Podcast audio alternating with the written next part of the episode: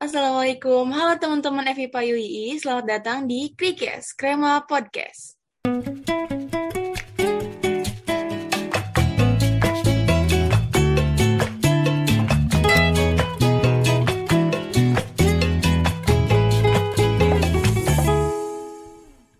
Halo sobat-sobat UI, perkenalkan nama gue Fajri.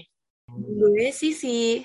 Jadi, ini krikes terakhir di periode kita. Nah, nggak kerasa kan? Nggak kerasa banget. Kita udah satu periode nih ngejalanin proker ini. Tapi jangan khawatir sih, periode kita berakhir bukan berarti krikes bakalan berakhir gitu aja. Karena bakal ada regenerasi baru gitu. Buat host-host yang bakal gantiin kita, periode selanjutnya bakalan ada yang lebih asik lah ataupun yang lebih seru lah sebelum lanjut ke berbincang-bincang, di sini kita nggak berdua aja nih bro, sis. Tapi kita juga ditemenin sama teman kita yang lagi kuliah di luar negeri. Dia juga musisi loh, yang udah punya empat single. Intinya tamu kita kali ini nggak kalah keren sih sama yang kemarin-kemarin. Mungkin bisa perkenalan dulu kali ya, silakan. Halo semuanya. Halo Kak.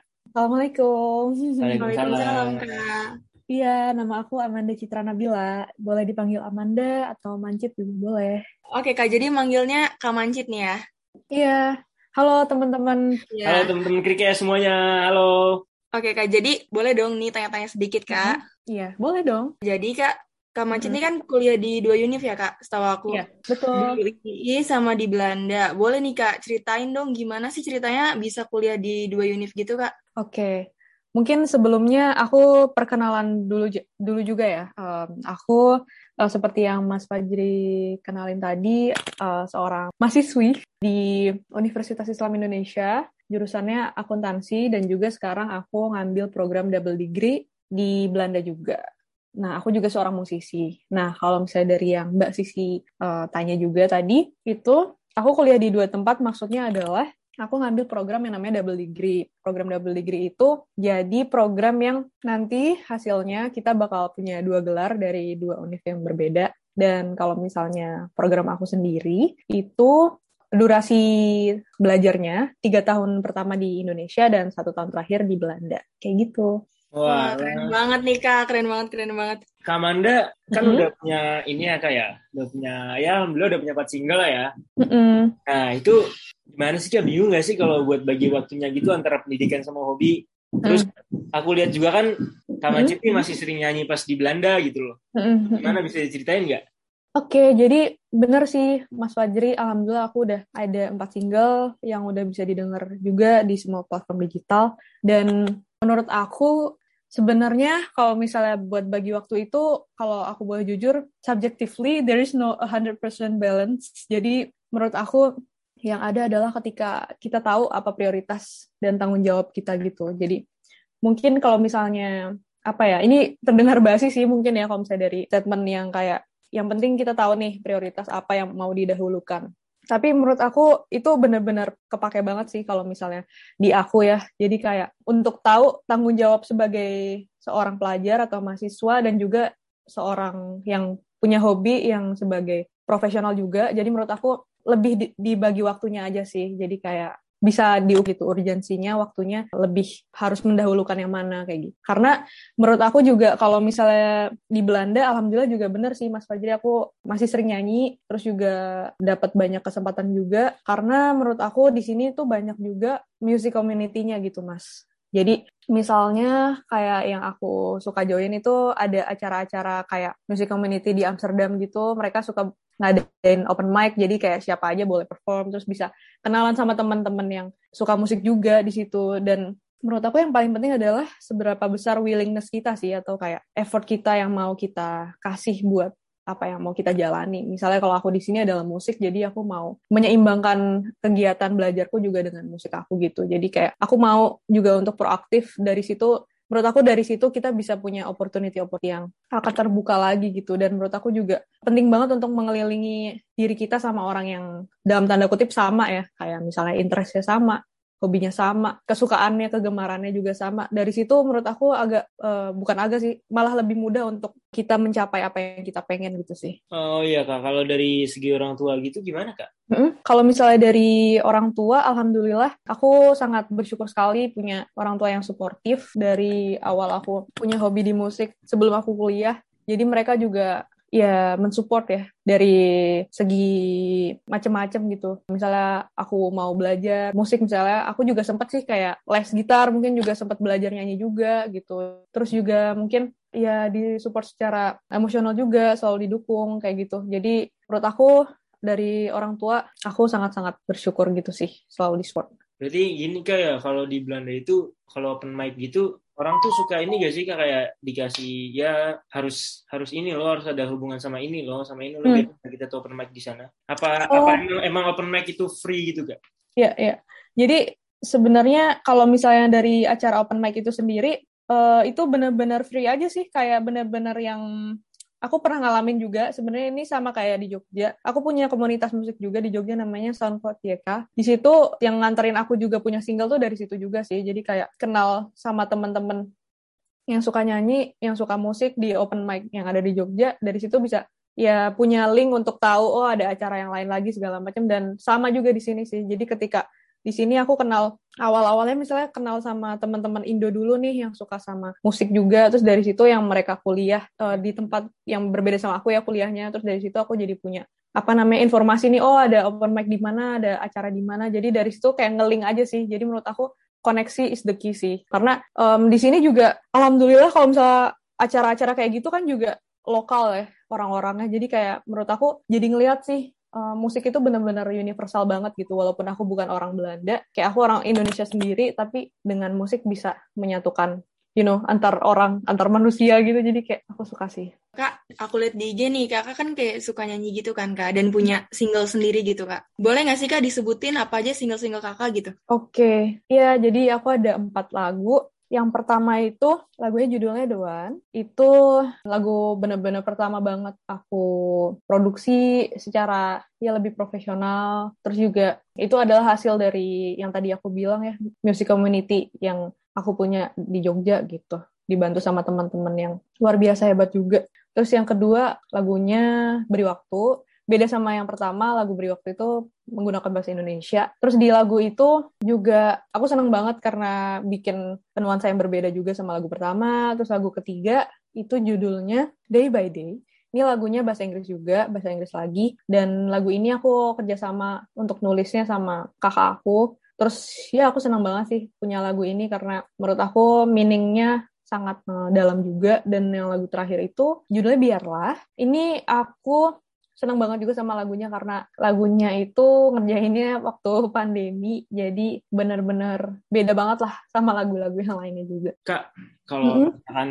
di sana itu komunitas Belandanya itu yang agak orang-orang lokal itu kira ini gak yeah. sih kayak kayak lengket gak sih kak gitu kak pertanyaan yang bagus banget sih karena menurut aku unik ya kalau di Jogja itu kan orangnya orang-orangnya rata-rata kayak uh, ya kekeluargaan ya kayak kolektif ya nggak sih kita pasti sukanya yeah, yeah. rame-rame nongki nongki gitu-gitu yeah, yeah. kan kalau misalnya aku juga ngerasa kalau misalnya di Belanda wah awalnya sih kayak wah kayaknya orang-orangnya lebih tertutup deh kayaknya kayak kurang nerima yang berbeda sama mereka atau gimana kan kayak ya adalah pasti kekhawatiran kayak gitu kan.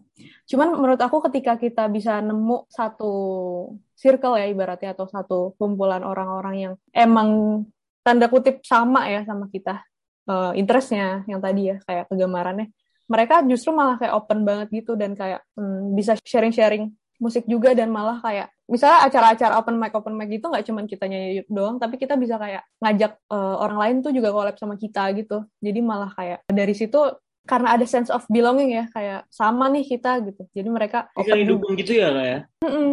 Jadi menurut aku sih ketika kita udah nemu suatu circle atau lingkungan yang tepat sama kita, yang yang punya ibaratnya kesamaan lah dalam hal apa pun gitu, pasti menurut aku bakal uh, punya titik kayak bisa temenan lah ibaratnya gitu. Kalau dari keempat single itu kak, yang mana sih yang paling berarti buat Kamanda? Dari keempat single itu sebenarnya aku nggak bisa bilang satu doang sih, karena menurut aku semuanya tuh spesial banget ya buat aku karena aku cinta banget sama perjalanan aku ngerjain itu gitu Mas Fajri sebenarnya. Jadi kayak aku tuh punya ada tiga hal gitu yang aku pegang apa ya ketika aku ngerjain sesuatu aku tuh ngeliat tiga hal. Yang pertama tuh I love the input.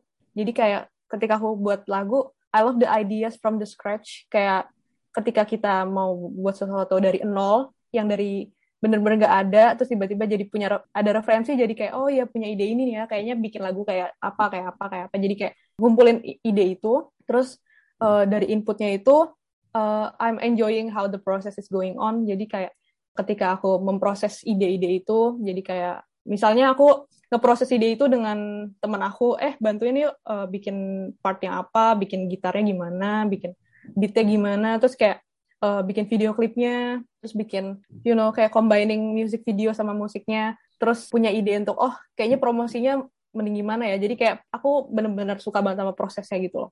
Dan menurut aku yang ketiga adalah I really appreciate the result gitu loh. Jadi hasilnya itu aku sangat mengapresiasinya juga gitu karena aku tahu uh, prosesnya dari nol tuh susah banget gitu kan. Jadi kayak effortnya gede segala macam. Jadi aku selalu mengapresiasi uh, hasilnya. Jadi semua lagu yang aku udah kasih nih ke publik yang kalian detik ini bisa dengarkan dengan sangat mudah itu perjalanannya sungguh nggak gampang. Jadi aku sangat menghargai semua lagu yang aku buat sih. Uh, oke oke kak. Uh, tadi tuh kata Kamanda kan uh, mm-hmm. lagunya tuh ditulis sama Kamanda sendiri kan ya kak? Yes. Nah itu Kamanda tuh dapat ide dapat inspirasinya tuh pas lagi hmm. ngapain gitu kak? Oh kalau misalnya hmm, tentang nulis lagu itu sendiri mungkin menurut aku adalah pengalaman aku empathy is important gitu. Jadi kayak ketika kita bisa ngerasa peduli sama sekitar kak gitu itu bisa apa ya ide itu bakal muncul gitu. Misalnya kayak kita lagi concern sama move on gitu misalnya atau misalnya self love gitu. Dengan kita berempati peka sama perasaan sendiri atau misalnya dengan perasaan sekitar teman kita sendiri ngerasainnya gimana kayak mengapresiasi perasaan itu tuh ada gitu. Jadi kayak bakal idenya bakal keluar sendiri sih menurut aku dari situ. Dan yang paling penting juga tuh punya referensi sih. Jadi kayak nggak nggak menutup kayak jenis-jenis lagu yang baru yang dari musisi-musisi lain juga gitu. Karena dari situ juga mungkin bisa kayak kita punya ide ide baru dari lagu-lagu orang lain gitu. Terus dia tahu preferensi sih tahu preferensi. Jadi kayak kita ngerti kalau misalnya aku sih uh, oke okay, aku pengennya sih preference aku adalah aku pengen nulis lirik yang bisa nyampe ke hati orang gitu. Dengan nulis yang nggak asal nulis gitu tapi punya meaningnya sendiri punya maksudnya sendiri. Dan aku cinta banget gitu dengan ngerjain ini kayak nulis lagu nulis lirik gitu. Karena menurut aku apa yang kita sampaikan itu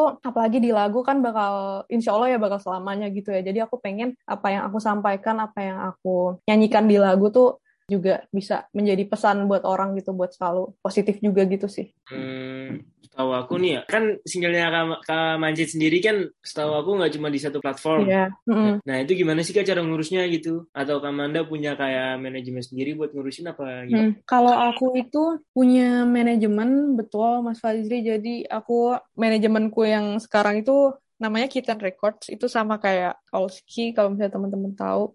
Um, jadi aku juga ya kenal sama orang-orang yang di situ juga karena community aku di Jogja, music community aku. Jadi dari situ uh, ya kita kolaborasi terus dari promosi dan sisi distribusi musiknya sih. Jadi selalu dibantu terus sama. Nah, Kak, baru-baru ini katanya Kak Manda nih nulis lagu buat Olski ya, Kak? Iya, betul. Boleh diceritain nggak, Kak, tentang lagu itu? Boleh banget. Jadi di lagu itu judulnya Asa. Asa itu sebuah harapan. Jadi uh, yang mau aku sampaikan sama Mas Diki, penulis lagunya itu juga yang merupakan gitaris Olski juga itu, kita mau menyampaikan bahwa kalau misalnya kita punya perasaan sama seseorang atau misalnya kita ya cintalah sama seseorang itu memang lebih baik tuh ya dengan tulus gitu. Jadi kayak apa pun hasilnya, yang penting ketika kita tulus mencintai orang dengan baik, itu bakal balik baik ke kita juga gitu. Dan menurut aku apa namanya ketika kita tulus dan jujur sama perasaan, perasaan itu bakal nyampe juga ke orang yang kita suka atau sayang gitu sih.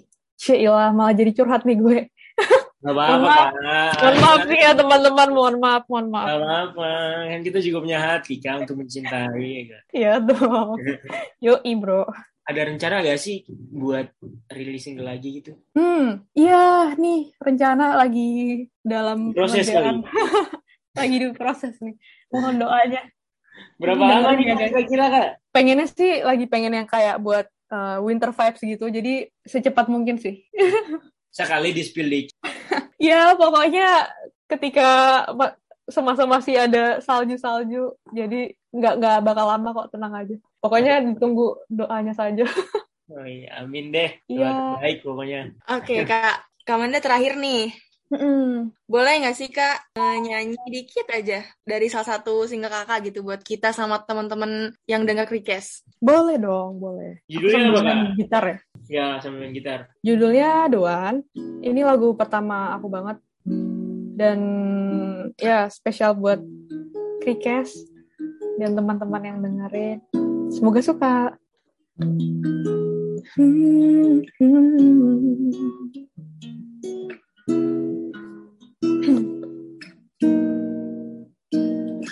Cause you are the one that I've been dreaming. Come closer, makes you alright. And I'll be the one who you can count on. Be with me here I stay. Gitu aja. Keren banget, Kak. Keren soalnya, banget. Soalnya, soalnya udah ini mau diterusin. Wah, Habis itu. lanjutannya silahkan didengarkan di platform-platform digital. Oh iya. Khas banget Kak, suaranya bagus banget. Aduh, amin amin. Terima kasih teman-teman. Nah, Kak Mancit, eh, mungkin karena waktunya terbatas ya Kak, ada nggak sih Kak dari Kak Mancit Hmm. sendiri pesan atau tips gitu buat teman-teman yang dengar Krikes, biar teman-teman yang lain tuh bisa berani buat berkarya juga kayak Kak Mancit gitu? Kalau misalnya dari aku sih tips atau pesannya adalah yang pertama be, be proaktif. Jadi jangan malu untuk bertanya, jangan malu untuk memulai, jangan takut juga untuk gagal karena menurut aku dari kita proaktif itu bakal ngebuka kesempatan-kesempatan yang lainnya. Terus yang kedua adalah percaya bahwa one good thing will lead to another. Jadi apa pun yang kita tanam itu yang bakal kita tuai. Jadi berbuat yang baik sama orang juga, maintain pertemanan, selalu ya menjaga friendship itu sendiri ya karena kita nggak ada yang tahu kan maksudnya eh, dari mana informasi atau misalnya kayak opportunity bakal datang. Jadi menurut aku itu penting banget ma- maintain the connection. Terus yang ketiga yang paling penting adalah enjoy the process sih. Jadi kayak apa pun itu hasilnya nanti yang penting ya dari awal sih input kita gimana proses kita gimana ya nikmatin gitu. Nikmatin effortnya nikmatin struggle-nya nikmatin sacrifice-nya bahkan. Jadi pengorbanan apa pun yang kalian yang kalian kerjakan itu sangat penting. Even semudah kayak nggak mager untuk bangun dari kasur itu tuh sungguh keren guys. Jadi ayo kita harus semangat untuk selalu berkarya ya. Amin. Iya.